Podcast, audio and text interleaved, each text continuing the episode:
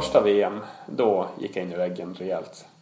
Eh, då, eh, jag hade ingen taktik alls när jag sprang utan jag försökte springa med i täten så länge det gick. Efter 40 kilometer var jag körd efter eh, 50, 55 kilometer låg jag på en massagebänk och grät och sa liksom aldrig mer, jag kommer inte att ta, kunna ta mig härifrån.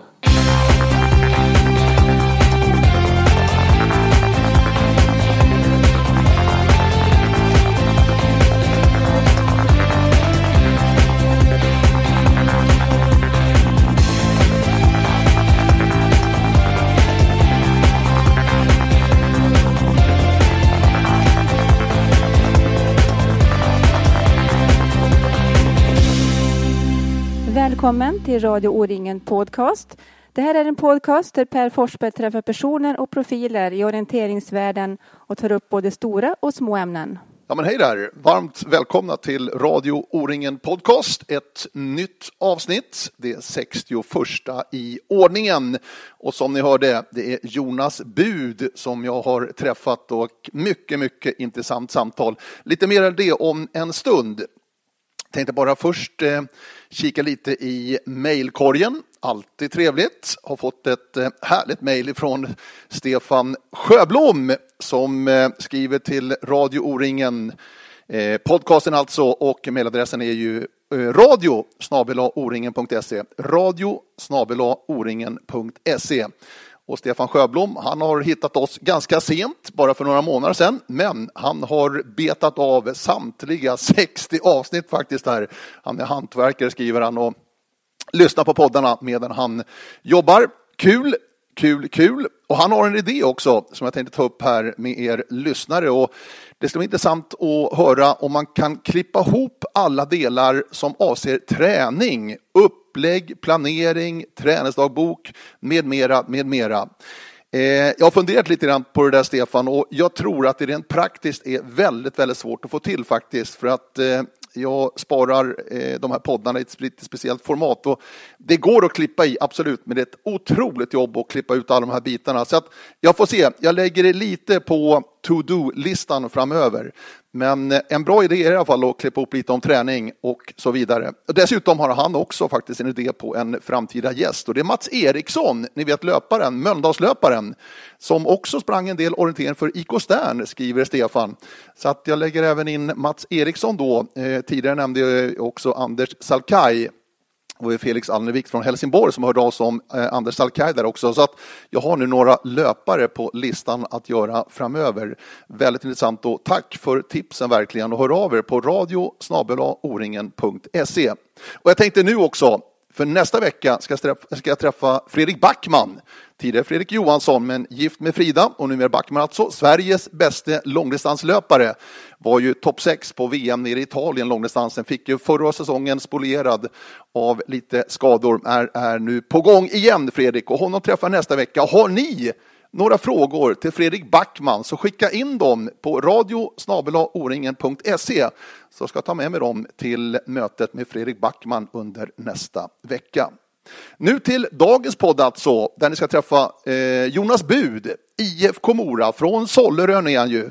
Orienterare sedan barnsben och gillar fortfarande orientering väldigt, väldigt mycket. Men har ju blivit både Sveriges och världens främste ultralöpare.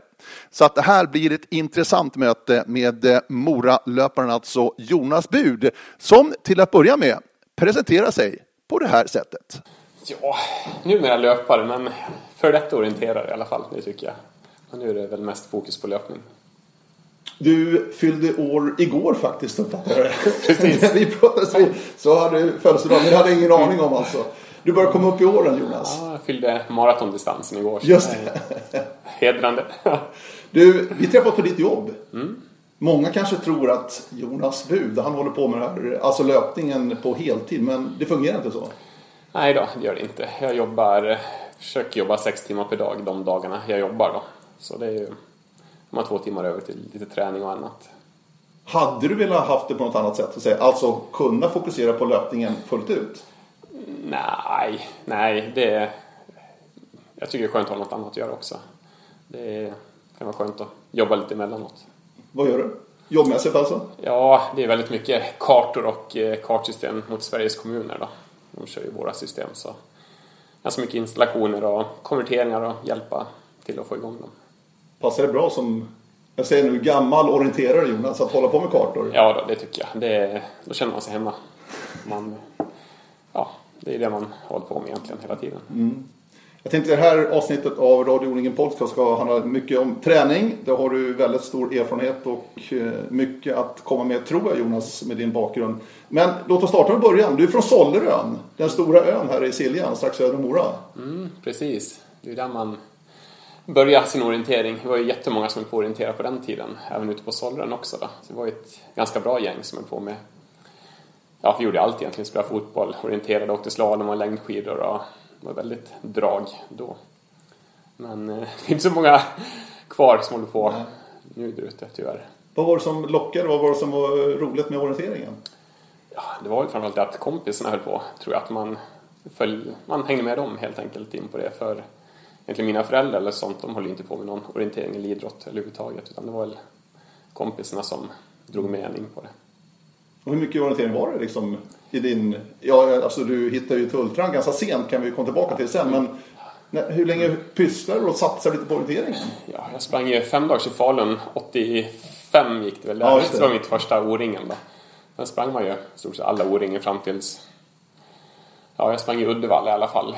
Eh, I Göteborg var det före eller efter Uddevalla. Ja, Göteborg var 2004, året efter faktiskt. Ja, var eh, lite Göteborg också. Eh, men sen så blev det inte så mycket mer O-ringen i alla fall. Men en del orienteringar blev väl till och från efter det också. Och, men visst, jag sprang ju som ungdom, man var iväg och tävla varje helg såklart. Det var ju orientering mest hela tiden. Så det var mycket lägre orientering. Men om man läser, du, du skriver en del i dina bloggar och annat, så är det lite kul att läsa att mm. det där med löpning var inga problem, men orienteringen Jonas, det var inte riktigt din starka sida. Nej, absolut Alltså det här med kartan och hitta precis, rätt. Precis, eh, svårt att vara individuellt, man fick lov att orientera för mycket själv då blev det problem. Men jag tyckte det var ganska kul att springa stafetterna, framförallt första sträckorna. Jag tyckte det var riktigt roligt. Då fick man lite styrhjälp mellan kontrollerna då. Sen eh, blev det lite mer löpning och det passade mig mycket bättre. Så var framförallt, eh, det är det jag tycker är roligast också egentligen. Man fick springa 10 mil Jukkola och 25-manna och med, försöka vara med på första sträckorna. Mm. Det här med 10 mil Jukkola, har du några sköna minnen därifrån? Har du gjort några riktigt bra sträckor du minns där? Ja, framförallt ett år. Nu är jag usel på år. Vilket år det kan vara en stor grusskog. Väldigt kallt på natten. Ja. Jag sprang första sträckan och eh, sprang väldigt bra. Sen var det lite uppför på slutet in mot eh, sista kontrollen och då tänkte jag nu fasen jag har läge att vinna första sträckan här. Vi sprang på riktigt hårt uppför där och sen kom jag upp över kanten och ner till den stora grusgropen som vi höll till i då. Men sen sprang jag till fel sista kontroll. Och sen halkade jag där så till handen bakom mig så jag bröt faktiskt fingret. Så fingret, eller jag bröt eh, fingret och fingret hoppade i led också då. Mm. Så eh, men eh, så jag växlade som 10 eller något sånt. Men det var två löpare som var långt före oss då, som inte ens såg på upploppet där. Men det är ett speciellt minne. Jag förstår. Då eh, fick man åka till ambulans efter målgång och en finsk läkare Framförallt det kommer jag ihåg eh, när vi kom upp dit till sjukstugan. Han frågade liksom att eh, hur länge sedan det var jag brutit fingret för det låg liksom snett över de andra fingrarna. Och sa att det var på slutet. Och sa ah, nu gör det lite ont kanske. Så sen tog han ner och bröt tillbaks fingret direkt. så det är ett härligt Jukkola-minne. Men det, det är väl en av dem.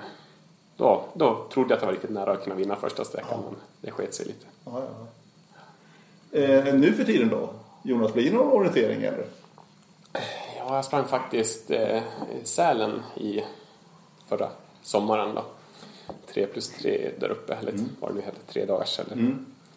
Så det var ju riktigt, riktigt roligt. Ja. Det var ju ett tag sedan jag sprang orientering senast och ja, det var riktigt roligt faktiskt. Du gillar att komma ut liksom sådär på det sättet? Ja då, framförallt eh, som uppe i Sälen, det, det passar mig väldigt bra också. Det är relativt lättsprunget och inte så mycket skog i vägen man kan orientera relativt mm. lätt.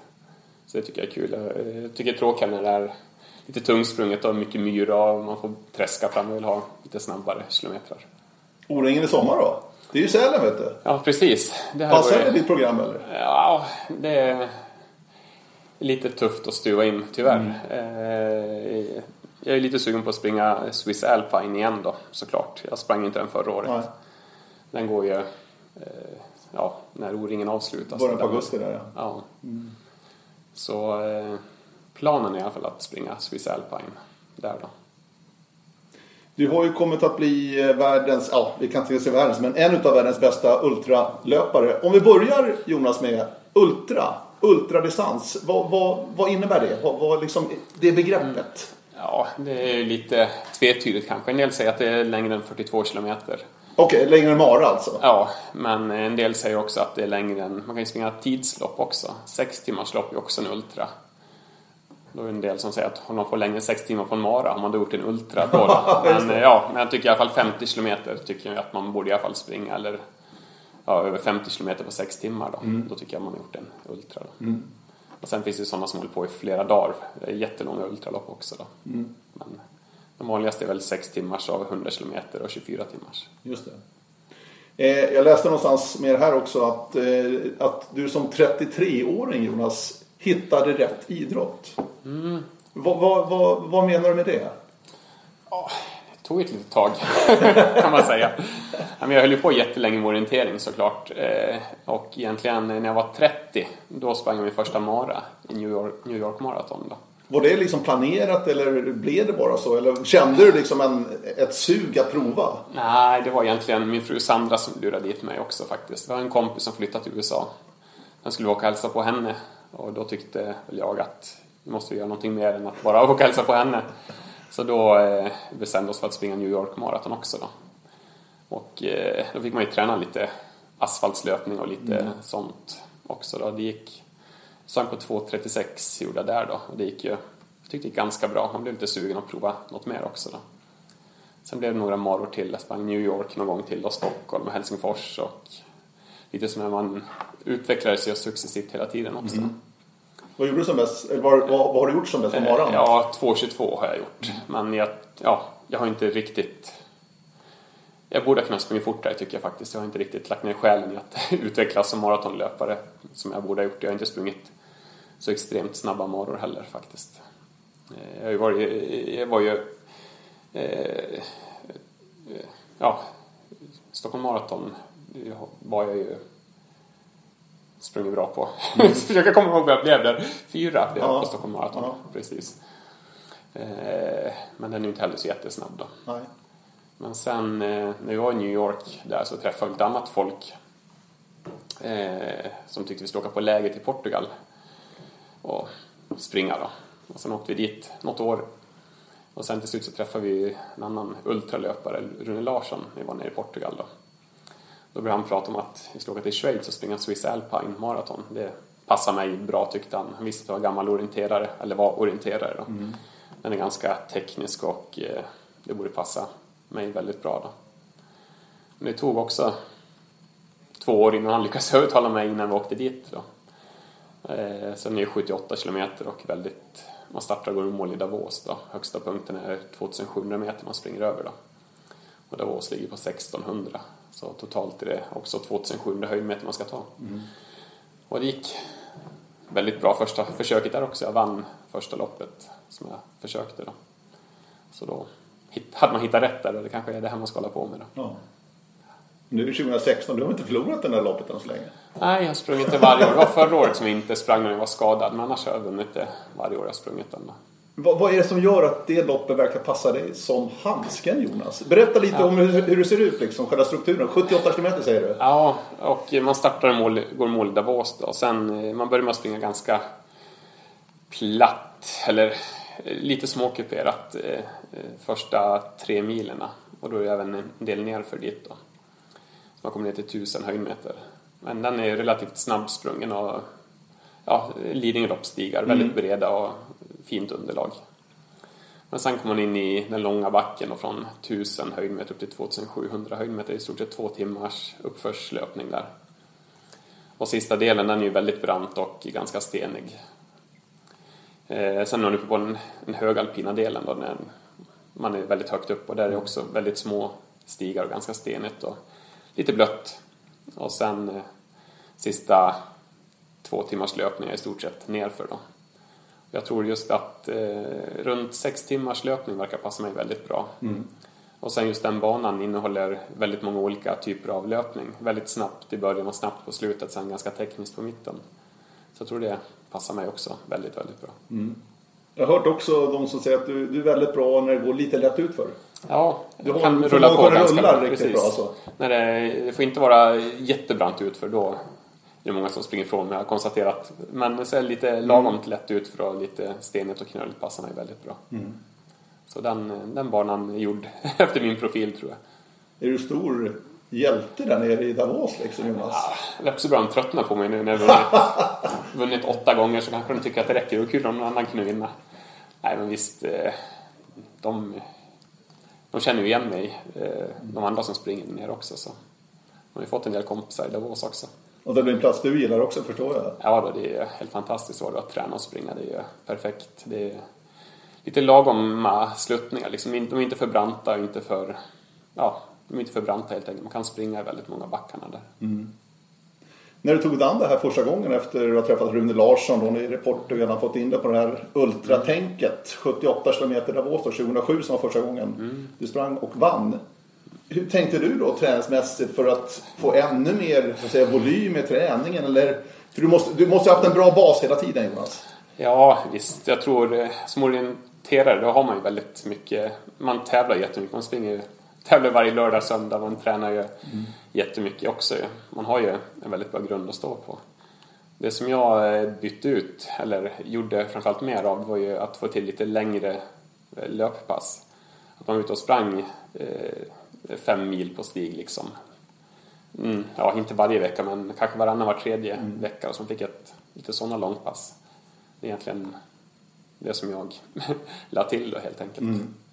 Kan du känna någonstans också att orientering har gett att du, du är väldigt stark så att säga i fotleder de här bitarna? För det, det känner jag igen från orienteringen att där känner man, man blir ju stark i fotlederna. Ja, men- Kan det vara en styrka också i, i den här formen av löpning? Ja, det tror jag. Men det är, nu är det egentligen, det är ju ett tag sedan jag var ute och sprang helt obanat. Jag springer jättemycket stigar. De är i och för sig steniga och knöliga, men helt obanat det springer jag inte så jätteofta nu för tiden. Men jag tror även de här stigarna har det runt om Jag tränar ju enormt mycket i terrängen. Jag springer ju inte så jättemycket asfalt. Det är bara egentligen inför när jag ska springa VM på 100 km och kommer till Sydafrika som jag går ut och springer iväg. Annars så springer jag i stigar och grusvägar hela tiden. Vad kände du efter den där segern i Davos? Alltså var det någon, fick du någon sån här aha-upplevelse? Oj, Ja, det lite... här är nog min grej liksom. Ja, lite förvånad och chockad blev man väl. För, Var det? Ja, för han som... Det var en ryss som blev två där. Han hade ju ganska bra meriter. Han sprungit Comrades också i Sydafrika. Han hade sprungit Swiss Alpine bra. Han sprungit VM på 100 kilometer. Och sen var det även en italienare med där, Giorgio Calcaterra, som också är riktigt, riktigt bra. Han har tvåa på Stockholm Marathon bland annat. Så man slog ju ganska bra folk eh, även där då. Så man, ja, man blev ju, under själva loppet också så började man ju fundera. Man hade sprungit, hade en timme kvar liksom och kom fatt, kom fatt ryssen som ledde då liksom att när, när blir jag trött? Alla andra verkar bli trötta här men jag kunde fortsätta hela vägen in i mål där också. Men eh, ja, men det verkar funka för mig det där. För jag tänkte då, då var det första loppet, det riktiga första ultraloppet för dig Jonas. Ja. Du hade inte rutiner på taktik, upplägg och så vidare. Jag menar, folk var ju före dig, klart före dig. Ja, ja. Eh, Rune matade mig med information och idéer om hur jag skulle lägga upp det här loppet innan. Där. Ja. Så han sa ju liksom de första, eh, ja, den här platta delen, de första två timmarna egentligen, det är bara en prolog egentligen. Man ska bara ta sig igenom det. Man ska inte ta i för mycket i backen utan man ska, ja, det ska kännas behagligt hela vägen. Man ska inte anstränga sig någonting. Utan det är ju sen eh, när man börjar närma sig toppen, det är först då man får börja anstränga sig då. Så jag låg en bra bit efter innan stigningen började på första loppet där. Och sen så sprang jag om alla utom två egentligen i uppförsbacken. De andra två tog jag ju, marockanen tog jag ju på den här platta delen uppe på toppen då. Och ryssen alls på, ja, när det var en bit kvar till målet bara då. Men eh, visst, man sprang ju och var orolig liksom att eh, springa för fort nu eller kommer det här att hålla hela vägen eller hur, hur kommer det här att sluta liksom. Men det var eh, väldigt behagligt lopp det första loppet. Jag blev aldrig trött eller egentligen orolig någon gång. Man såg att man hade bra fart hela vägen. Men när du åkte hem därifrån, kände du att "Nej, nu ska jag satsa vidare på det här? Och köra några fler lopp eller vad, vad kände du? Ja, eh, visst. Men jag visste knappt vad Ultra var. Jag visste knappt vilka andra lopp som fanns då. För eh, det här är ju några år sedan. Det fanns inte så jättemånga ultralopp egentligen då. Det är ju de sista 5-6 åren som det verkligen har exploderat med lopp. Så det tog ju ett tag innan jag sprang någon, någon annan ultra än Swiss Alpine också. För eh, jag ville ju fortfarande utvecklas på maraton. Jag försökte ju att springa fortare där också då. Så det var egentligen eh, det var två år efteråt jag sprang min första VM på 100 km då. Så det var egentligen min första ultra utanför Swiss Alpine. Så det, ja, det var maraton jag ville. Det var trodde, det? trodde att jag skulle kunna springa fort på. Men det har du släppt nu det här med maraton eller? Ja, i alla fall att försöka. Nu har jag mer maraton som en del i att eh, bli bättre ultralöpare egentligen. Och det har jag egentligen haft de senaste åren. Hur har den här resan varit då? Som du säger, det har exploderat alltså själva ultratävlingen, alltså själva branschen ultra. Det är ju det är mer vedertaget så att säga. Fler vet vad det handlar om i dagens läge. Har du varit med om den här resan Jonas? Hur har det varit då?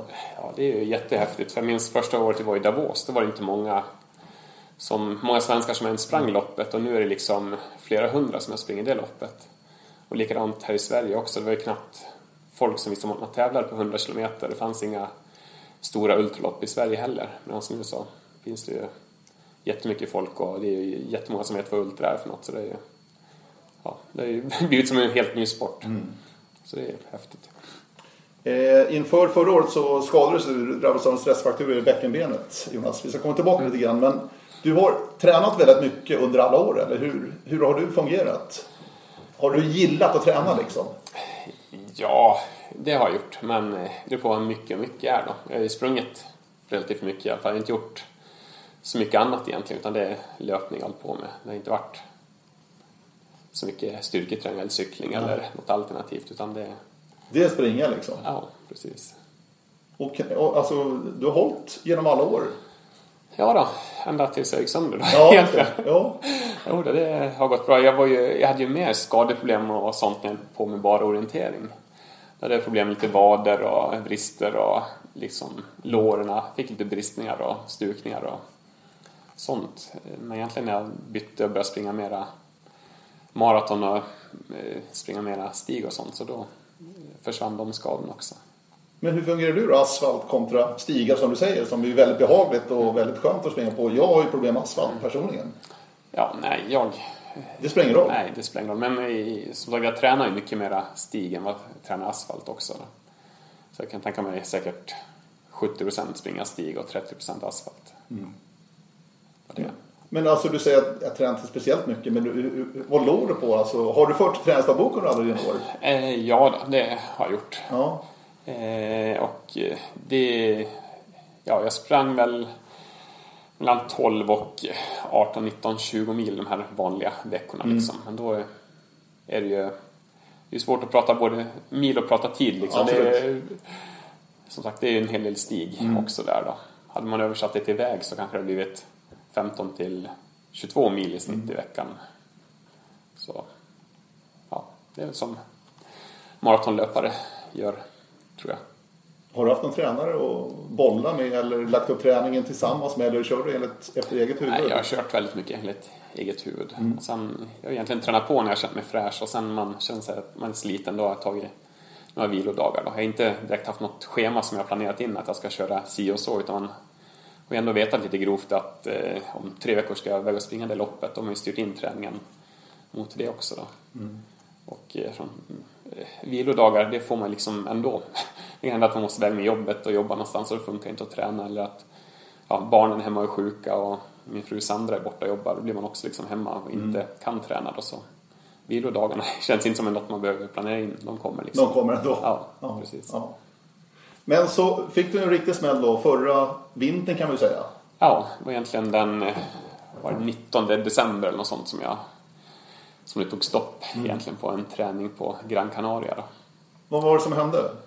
Eller Ja. vad, vad var orsaken till att, som jag sa, en stressfraktur i bäckenbenet? Mm, precis. Eh, jag tror egentligen, det är ju många faktorer. Man har ju för, försökt fundera liksom varför skedde det här just nu när det inte har hänt tidigare. Framförallt så jag tror det blev en fruktansvärt lång säsong eh, det året. Jag började med att springa Paris Marathon i början på april egentligen. Och VM på 100 km blev flyttat lite fram och tillbaka så det gick ju i början på december i, i Doha i Qatar. Mm. Och själva underlaget vi sprang på där var ju katastrofalt också. Alltså, vad var det då? då? Det var en 5 km bana sprang vi på och eh, på det här varvet så var kanske en kilometer var marmor vi sprang på, liksom helt Aha. jätteblankt. Och eh, tre kilometer var gatsten och en kilometer asfalt. Och där sprang vi 100 kilometer på liksom runt. Jag tror inte det var direkt hälsosamt för benen heller. Eh, sen kom vi hem därifrån, vilade lite grann, sen åkte vi på Gran Canaria på lite träningsläger och sprang faktiskt en orientering där. Mm. Eh, och sen egentligen sista passet vi körde där, då skulle vi springa, ja det kanske var ja, två och en halv, tre mil. Det var en tusen höjdmeter upp för först. Och sen sprang vi upp platten lite och sen när vi skulle springa tillbaka till hotellet då var det en lång nedförskörare. Och sen ungefär halvvägs ner i backen började jag känna att det strama bak i ryggen. Men eh, Eh, under hela veckan vi var där så har vi sprungit väldigt mycket med ryggsäckar och haft mat och vätska och sånt med oss. Jag trodde liksom att det var därför det kändes konstigt i ryggen. Så stannade liksom och försöka stretcha ut ryggen lite. Men sen så sprang vidare, kom närmare hotellet, kände liksom det här känns inte riktigt bra liksom. Fick stanna och stretcha igen liksom. Men ja, det gick i alla fall att springa hela vägen ner eh, till hotellet. Vi gick in där och duschade. Och sen eh, gick vi ut och skulle käka lunch efteråt då. Och sen satt vi oss ner på stolarna på restaurangen och det tog ett tag innan vi fick maten där. Så vi satt säkert still över en timme innan vi skulle gå därifrån. Och sen när jag skulle rätta ut benet sen då var det liksom helt det gjorde fruktansvärt ont när jag skulle gå därifrån. Då. Och sen fick vi halta tillbaks till bilen och sen, eh, för det här hotellet vi var på då var några kompisar som bodde där då. Sen tog det en timme att åka tillbaks till vårt hotell och sen när jag skulle gå ur bilen där igen då, då höll jag på att svimma för det gjorde så fruktansvärt ont. Mm. Så eh, min kompis Torkel som med han fick i stort sett leda in mig, dra in mig till rummet där vi skulle bo. Då. Då skulle jag åka hem dagen på. Jag tänkte jag kommer inte ens kunna ta mig till flygplatsen och känt så här. Men det blev lite bättre under natten och så kunde jag ta oss hem i alla fall. Då. Eh, och sen när jag kom hem sen då eh, kontaktade min sjukgymnast här i Mora då, liksom att det är något som inte är helt bra. Så då kom jag dit då och då eh, klämde hon och kände lite och eh, vad det kunde vara för något. Så första tanken var egentligen bara att det var någon nerv som hade kommit i kläm i och med att det liksom strålade upp efter ryggen. Då.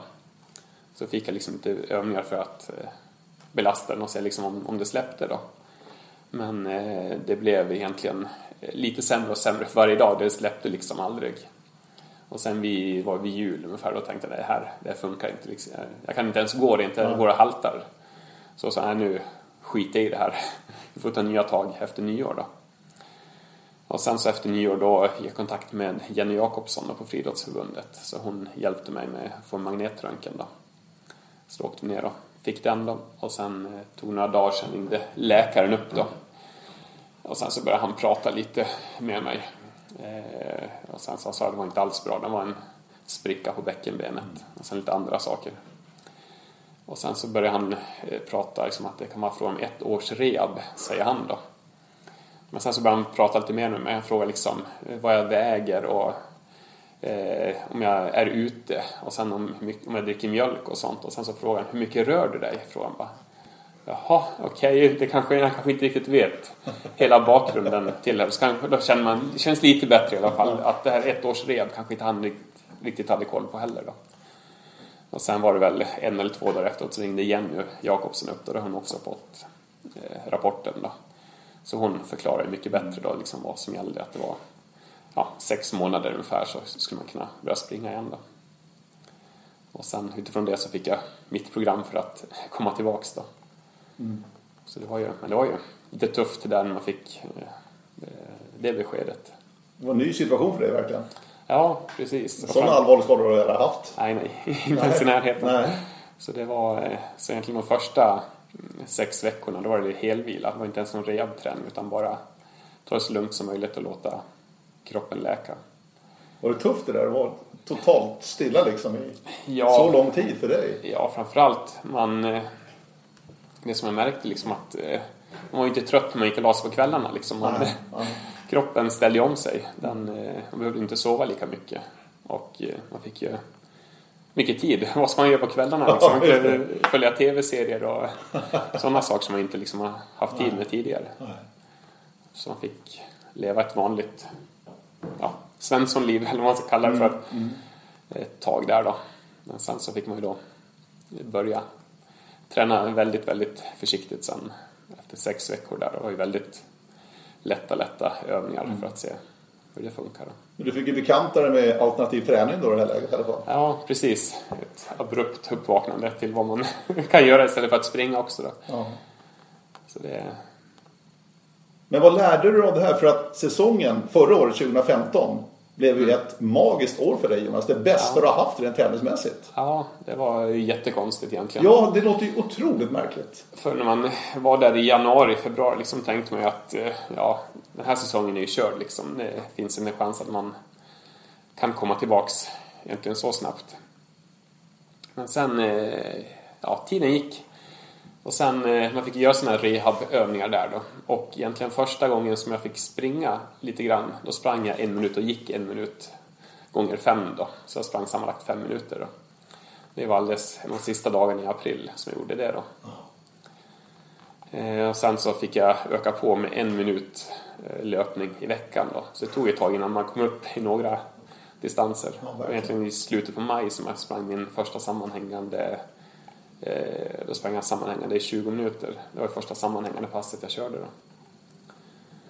Men man kände ju liksom att eh, från vecka till vecka där i slutet av maj liksom hur kroppen verkligen såg åt sig löpningen. Det kändes ju ganska stelt och styltigt i början där. Men när man väl fick börja springa så kände man att eh, det gick väldigt bra då. Och egentligen från mitten på april, början på april där var det nog så, då cyklade jag ju en hel del också då. Köpte en trainer till min mountainbike så jag satt i källaren och cyklade på den. Det var också ganska lugnt i början men sen från mitten på april där så kunde jag cykla lite mer på den också då. Så jag kunde ändå börja bygga kondition i alla fall på cykeln. Eh, Det kände jag också liksom att det var fruktansvärt jobbigt att cykla de här träningarna i början men man byggde på sig ganska snabbt där också att det gick bättre och bättre. Och sen så började man närma sig maj, eh, slutet på maj där och eh, började ändå fundera liksom att man kände ju att ändå som att man utvecklades hela tiden. Och eh, vi hade ett lopp här uppe i Orsa, Orsakajten, 25 kilometer. Tänkte jag, det kanske kan, jag provar att springa det liksom. Det kan ju funka som comeback. Och det går ju på midsommar då, som sagt. Eh, så vi jag anmälde mig till det. Och jag hade även sagt att eh, ungefär i midsommar då kan jag ta lite beslut om vad jag kan göra under hösten också. Då. Så vi åkte upp och sprang det 25 km loppet och jag hade sprungit som längst 17 km innan jag eh, sprang där då.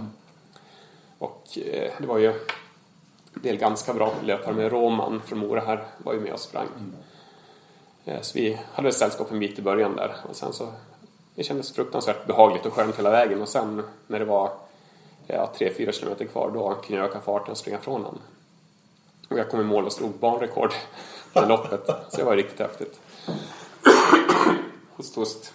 Ja. Eh, Så då fick man ju ändå lite ett första bevis på att eh, det kanske inte är så... Man har ganska mycket eh, träning och kondition kvar i kroppen ändå. Då. Så började man ändå fantisera om att ja, fast man kanske kan springa Ultravasan i augusti ändå. Då. Så då började man ju ändå skissa ut en plan liksom att eh, vad, vad bör jag göra för att det ska kunna, ska kunna vara möjligt då?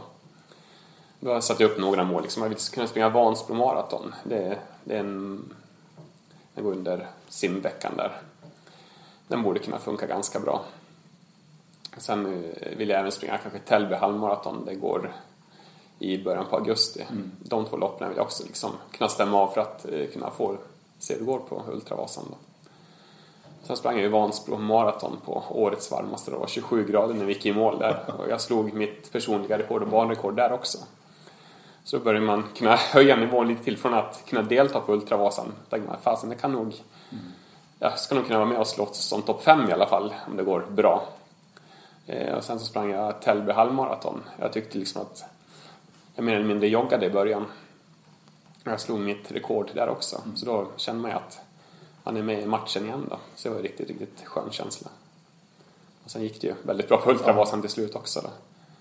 Men under det här halvåret då, eller mellan januari och maj då, när mm. din fas för att komma tillbaka.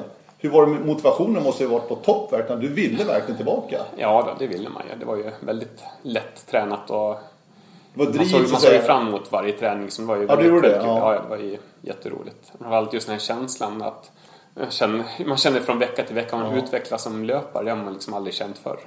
Liksom att det går lättare och lättare. Mm. Det är en helt fantastisk känsla.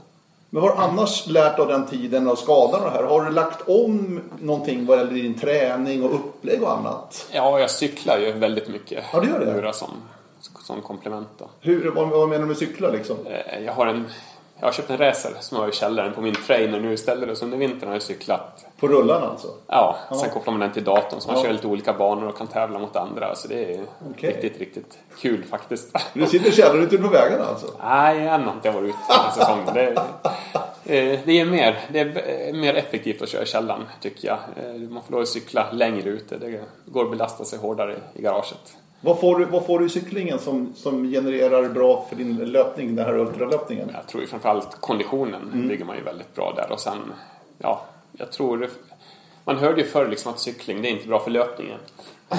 Nej. Men eh, eh med tanke på att jag byggde upp all min kondition egentligen på cykeln då jag var skadad. Mm. Och löpningen var liksom bara för att få igång benen lite grann. Det var inte så jättemånga konditionspass jag byggde upp på löpningen så kunde jag springa väldigt fort ändå. Då. Mm. Så jag tror eh, i alla fall eh, Många skulle ha mycket mer nytta av att eh, byta ut en del löppass mot cykelpass också. Liksom att få vila benen och mm. det, det är framförallt något som jag kommer fortsätta med. Så att du har dragit ner löppassen, alltså ja. det är tydligt jämfört innan skadan och efter skadan? Ja, det är det. Nu springer jag... Ja, nu... Ja, nu kanske jag får 12 mil som mest på mina veckor kanske. Mm. Så det är väldigt mycket mindre än vad jag hade förr. Då. Ja, det är intressant. Och där känner du att, och i och med att det gick så bra förra året också så känner du att det här är någonting som kommer fungera även i år tror du? Ja, det, ja. det tror jag. Ja. Så det, det är synd att gå tillbaks till något som ja. jag körde tidigare. Absolut. Det här har ju ändå funkat som mm. sagt mm. förra säsongen. Ja. Ultravasan, du vann ju premiären då för, eh, det blir nu ett och ett halvt år sedan. Ja. ja drygt ett och ett halvt år sedan. Det var ju augusti mm. 2014 var det premiären. Mm. När du vann på en tid precis över 6 timmar, 6.02 tror jag det var. Ja. Något sånt. Och då sa vi alla att den här tiden blev svårstraffad. Vi sa ju 6 timmar var en sån här magisk gräns någonstans. Ja. Kände vi löpmässigt och det tror jag du sa innan också Jonas. Men i fjol pulveriserade du den där tiden. Ja, det var helt det var helt magiskt. Helt sjukt bra det gick. Ja, det måste ju vara ditt livs dag Ja, någonstans. det är mitt bästa lopp jag gjort också. Ja, det är det alltså? Ja, 5.45.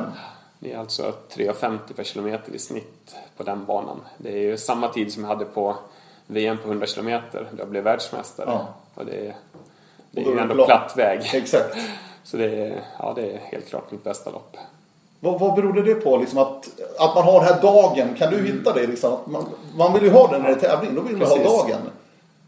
Ja, men det var, ju, det var ju det man hade byggt upp hela säsongen på egentligen. Att kunna få springa bra på Ultravasan också. Då. Så man var ju, kroppen var ju förberedd och laddad för det också. Men sen det var ju jättebra motstånd. Vi var ju jättebra gäng som hängde ihop. Mm. Egentligen ända fram tills backarna innan Evertsberg så var vi ju tillsammans ganska många. Mm. Och sen var det ju eh, Max King höjde farten upp mot Evertsberg då. Jag tog spurtpriset där. Han var ju mer sugen på sportpriset. Ja, precis. Eh, men sen, det var ju parallell mot året innan också då Steve Way gjorde egentligen samma sak. Och då sprang jag från han ner mot Vasslan efteråt där då. Jag tänkte jag provar samma sak i år igen då. Och Max, han försvann ju. I utförsbackarna Jonas? Ja, precis. Där också. Det är ju där också vet du. Ja. Och sen, men i år var det lite snällare. Nu har de byggt om spåret mm. eh, runt Vassland. Nu var det ju cykelväg vi sprang där. Det var ju myr året innan då. Så en och en halv kilometer utbytt mot grusväg då. Mm. Så det gör ju några minuter kan jag tänka mig. Men eh, absolut inte 15 i alla fall. Ja, det, det, ja, det var jättehäftigt att få göra ett sånt bra lopp mm. där då. Jag tror många som lyssnar på den är nyfikna. Taktik måste ju finnas i de här mm. långa loppen när man verkligen ska disponera loppet på ett vettigt mm. sätt. Alltså hur, hur ska man fungera? Man måste ju liksom bara köra för eget huvud och inte bry sig om andra? Eller hur funkar det? Hur jobbar du med taktik och upplägg så här inför de här långa loppen? Ja, det är det som är egentligen lite roligare med de här långa loppen. På maraton det springer man så fruktansvärt nära sitt max. Än de här kortare loppen. Då har man inte så mycket att spela med. Men 100 km man springer dem, då har man ju ganska stort register kvar till sin maxfart från sin tävlingsfart.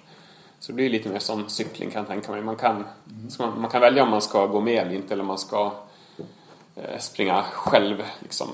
På mina 100 km lopp har jag kört väldigt mycket efter min klocka. Liksom. Det är jag som har bestämt farten, inte brytt mig om de andra så mycket.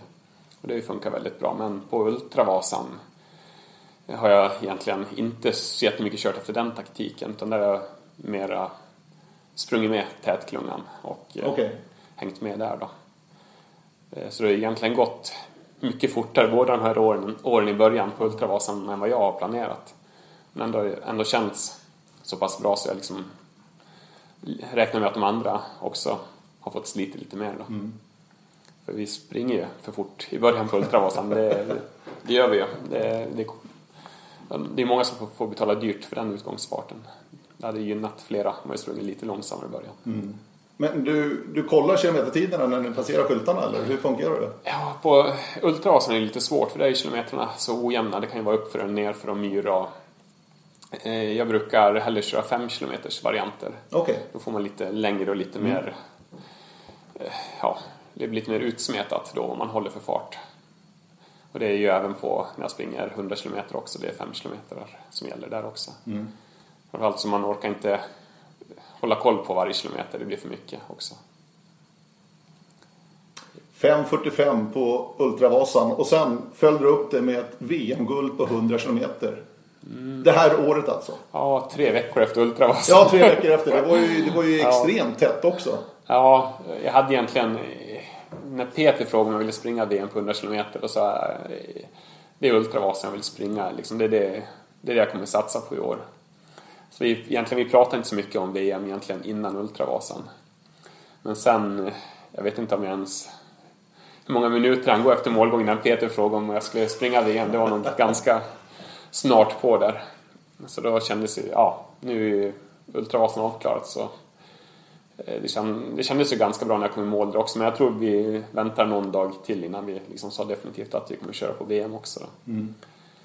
Och eh, då blev det också något nytt. Jag har aldrig tävlat eh, så tätt eh, tidigare någon gång utan jag vill helst ha i alla fall minst fyra veckor, gärna sex, åtta veckor mellan de här långa loppen så man hinner liksom Ja, vad, är det där? lite. Ja, precis. Berätta lite grann. För att orienterare kör ju varje helg som du vet. Ja.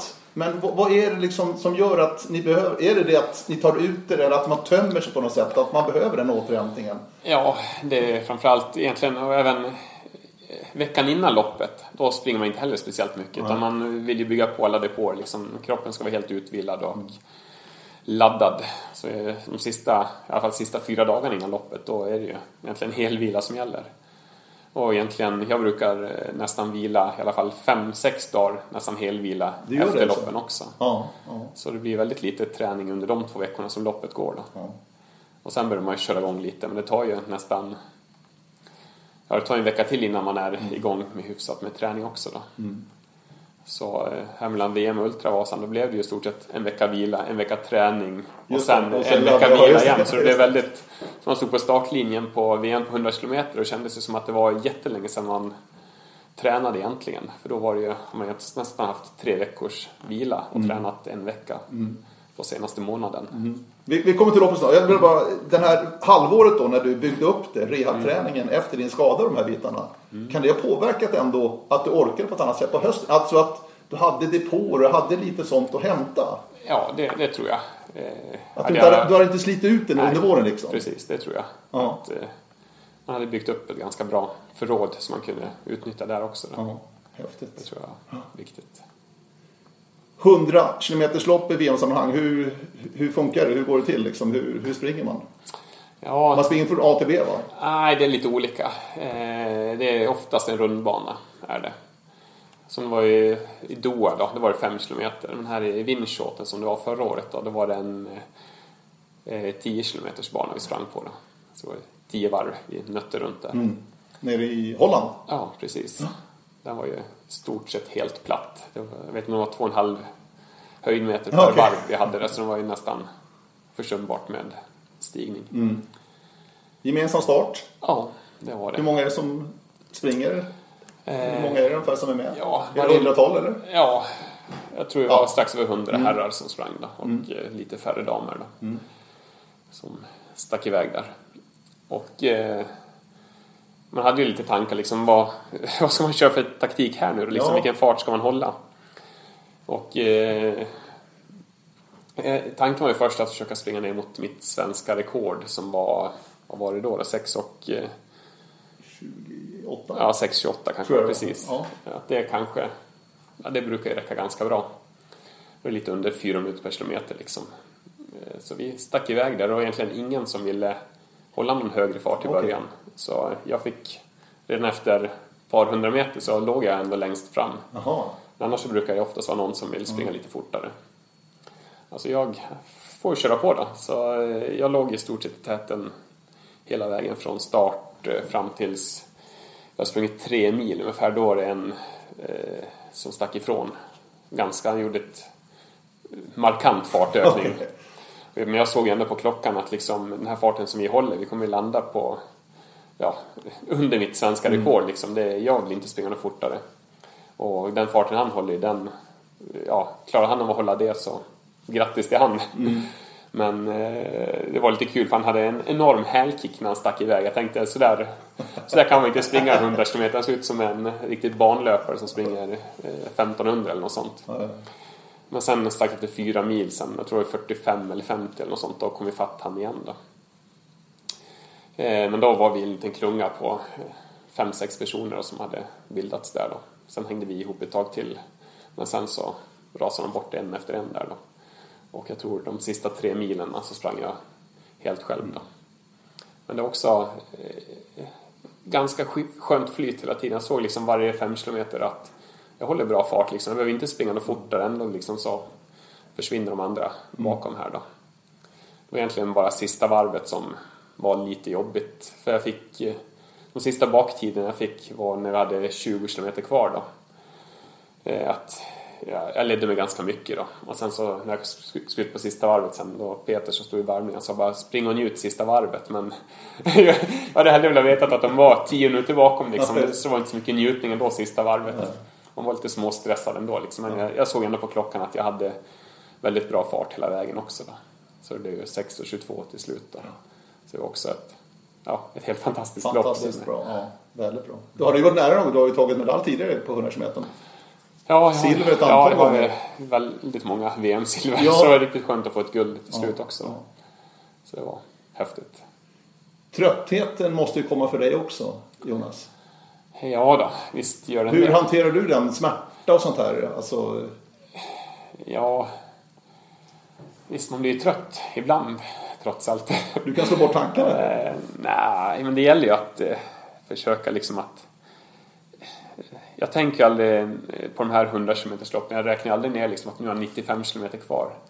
Jag försöker oftast bara tänka på den, här, den femman man är inne i just då, eller den milen, eller det varvet man kör.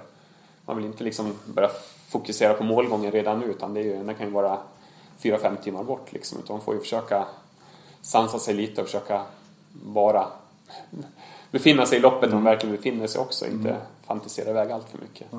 Har, har du väggat någon gång? Ja, det har jag väl också gjort någon gång. Eh, mitt första VM, då gick jag in i väggen rejält. Eh, då jag hade ingen taktik alls när jag sprang utan jag försökte springa med i täten så länge det gick. Efter 40 kilometer var jag körd efter 50-55 eh, kilometer låg jag på en massagebänk och grät och sa liksom aldrig mer, jag kommer inte att ta, kunna ta mig härifrån. Men de lyckades få upp mig och sparka iväg mig där eh, så vi fick börja gå en liten bit innan jag kunde börja springa igen då. Så då det var första eh, mötet med 100 kilometer och sen framförallt när jag sprang ut i MB här för det kan det vara tre och ett halvt år sedan. Ultra Trail Mont Blanc alltså. Precis. Ett av de mer legendariska loppen i ultravärlden. Ja, det är start och mål i Chamonix då. Brukar vinna på runt 21 timmar. Den är 100 miles, alltså 16 mil. Precis. Kan man säga. Ja, och nästan 10 000 höjdmeter ska man ta där också. 10 000?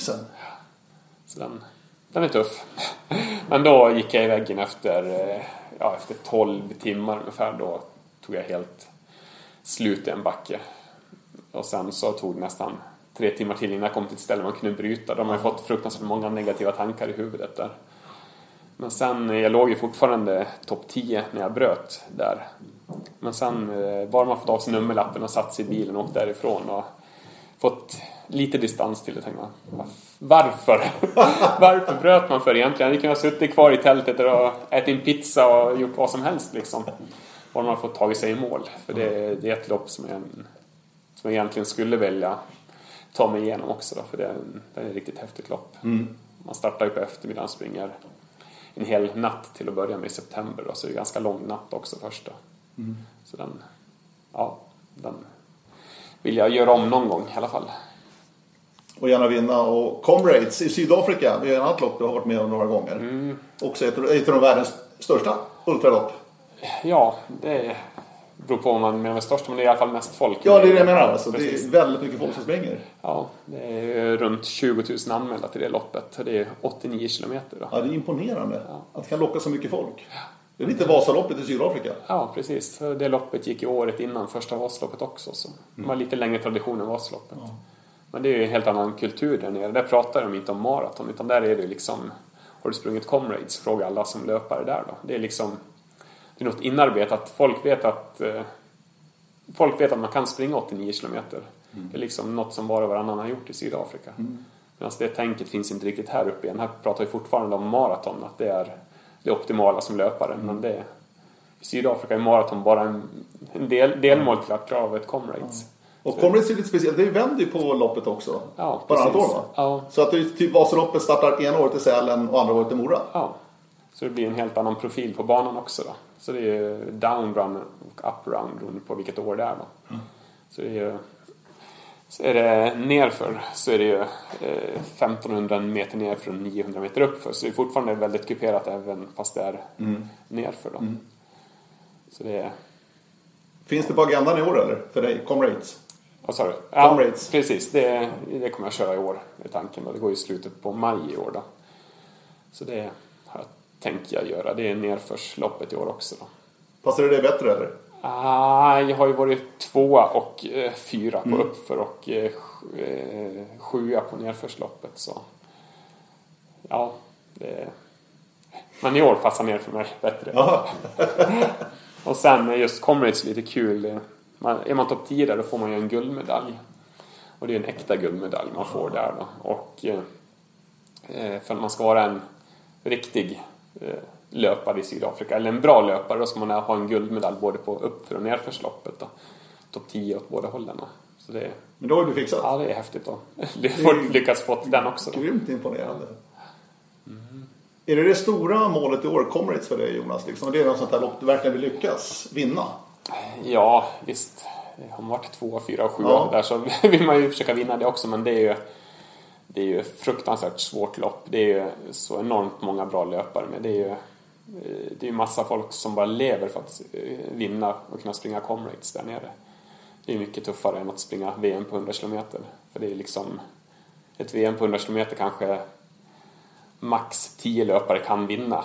eh, Som man kan peka ut innan i startlistan. Men Comrades där är det fast en 100 personer som kan vara på pallen. Och det är alltid folk som chansar Ja, ja. 100 och det är alltid några som håller liksom. Det är jättesvårt att eh, få till det där då. Men ja, någon gång är min tur också. Och annars är det viktigt det här året då för dig rent tennismässigt? Ja, men visst, Ultravasan står ju på programmet. Den är ju, det blir jätte, jättetufft startfält där också i år. Det är ju flera på topp 10 på VM på 100 km som kommer att springa det också då. Och även en del riktigt bra traillöpare. Så den, eh, ja, den kommer bli riktigt tuff. Och sen, eh, ja det är ju lite andra lopp jag vill springa också men eh, jag är lite sugen på att springa trail-VM i, i oktober i Portugal också faktiskt. Även fast ja, det kanske inte passar mig så jättebra. Jag är ju trots allt bättre att springa lite plattare. De här kuperade loppen är lite, de passar inte mig riktigt lika bra. Nej. Det är, eh, Sverige är för platt helt enkelt. Det är för mycket, mycket, mycket backar på dem. Inte det här alpina landskapet? Nej, det har vi inte här i Mora direkt. Nej. Men vad är skillnaden trail och ultra så att säga? Om du differentierar det? Ja, eh, det finns ju Ultra Trail också. Ja, liksom. Men trail, eh, de här trailloppen som är Ultravasan är ju någon liten kombination mittemellan. Liksom. Mm. Eh, Medan de springer trailloppen nere i Europa, då är det oftast att man måste ha packning med sig, liksom få bära sin egen vätska ganska mycket. Det är kanske en vätskekontroll en gång i timmen eller en och en halv timme mellan vätskekontrollerna. Du måste bära med dig energi och mat och vätska själv däremellan. Då. Och de är ju ganska långa och framförallt oftast väldigt kuperade också. Då. Mm. Så det är liksom något lite annat mot vad vi är vana här i Sverige. Då. Mm. Kanske passar orienterare bättre med trail. Ja, definitivt. Ja. Det är, många orienterare skulle hävda sig fruktansvärt bra på de här trailloppen. Du, eh, tillbaka till det här jag läste igenom det lite grann inför det här samtalet med dig Jonas. Friidrottsarenan är inte riktigt din arena, skriver du någonstans. Nej, det, Alltså den här banlöpningen. nej, det har inte blivit många, många varv på banan. Du gillar inte det? Nej, Är det för monotont och tråkigt eller? ja, det är mycket roligare att springa i skogen liksom, och ute i terrängen. Det, Ja. det är mycket trevligare.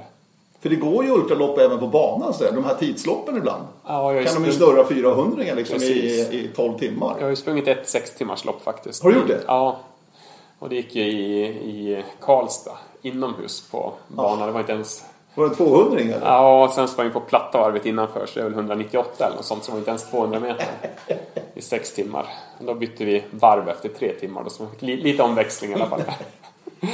Men det handlar mycket om mental styrka där alltså. Ja, och framförallt det tyckte jag var fruktansvärt mentalt jobbigt. Eh, För när man har sprungit liksom fem timmar eh, och så.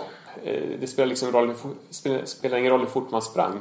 Man kom liksom ingen närmare målet ändå liksom. Det, tyckte jag kändes lite jobbigt. Ja. Så ja, det var mentalt väldigt jobbigt. Jag kan tänka mig det alltså. Du fyllde 42. Mm. Fyllde maraton alltså. Precis. Hur, hur ser du på framtiden? Hur länge kan, kan man hålla på tror du? Liksom, vad, hur känns, ja, kroppen känns ju bra, det förstår jag. Men vad tror du? Hur länge håller kroppen? Ja, men det är väl som orienterare. Orienterare håller man ju på hur länge som helst också. Ja. Så jag hoppas att jag kan springa hur länge som helst också. Liksom. Det är ju riktigt kul att få ut och springa. Så jag kommer nog att springa många år till. Ja. Önskar du att du hittar tidigare än vid 33 års ålder? Ja, Vad sa du? Om, Önskar du att du hittar ultralöpningen? Men det, Nej. kanske, det var så pass liten också i sig. ja, det var så svårt att hitta ändå. Så. Ja, men, det är sant. Nej, det... Jag ångrar absolut inte orienteringen jag gjort innan heller. Det är ju också enormt roligt och Mm. kul liksom. Så det... Nej, det jag får ta med om både och liksom. Mm. Men tittar man på resultatlistorna i Ultra Mm. så är man ju, alltså det är ju liksom inga 21-22-åringar som är uppe i toppen. Nej, det är, det är ingen nackdel att vara lite äldre i alla fall. Det är ju oftast som på VM. Det är ju inte så många under 30-35 Nej. i toppen där. Nej. Vad beror det på tror du alltså? Ja, men det är nog... Man behöver några års träning också för att klara av de här loppen. Lite rutin och, Mm. och lite sånt. Det, så är det nog. Och säsongen har startat för dig redan Jonas. Du har ju varit med på Nya Zeeland. Ja, precis. Jag var där direkt efter nyår egentligen. I, jag var där i tre veckor då och sprang. Eh, sprang jag den första deltävlingen i Ultra Trail World Tour då. Ett 100 km lopp som var ja, ganska häftigt. Och seger direkt. Ja, Ett kvitto på att liksom, du är på rätt väg. Ja men det måste det vara va? ja då, det, jo, det gick jättebra. De pratade om... Jag tycker det är ganska skönt att känna till banan innan man springer. På en där och provspringer loppet eller i alla fall delar av den. Men här har jag egentligen bara sprungit ett par kilometer eh, av loppet i början då. Så man vet ju inte vad för något som väntar på slutet. Och jag pratar om väldigt mycket om att loppet var ganska tufft i början, lite lättare på slutet också då. Så min taktik här var egentligen bara att hänga med, hänga med de första eh, sex milen och sen kunna springa fortare på slutet. Och det, det gjorde jag, det gick ju bra här också. Då. Och nästa lopp, när är det i kalendern? Ja, eh, nästa lopp nu det blir väl nästan Comrades i Sydafrika. Jag var ju på Gran Canaria och sprang här för några veckor sedan också då. Deltävling två i Ultra Trail World Tour då. Men sen nu är det Comrades som är fullt fokus. Häftigt. Lycka till Ja, 2016 Jonas. ja tackar. Jonas Bud alltså. Och eh, tack för att du var med här på Radio O-ring Podcast. Ja, tackar. Underbart. Och eh, tack alla andra. Vi hörs eh, nästa gång. Ha det gott. Hej då.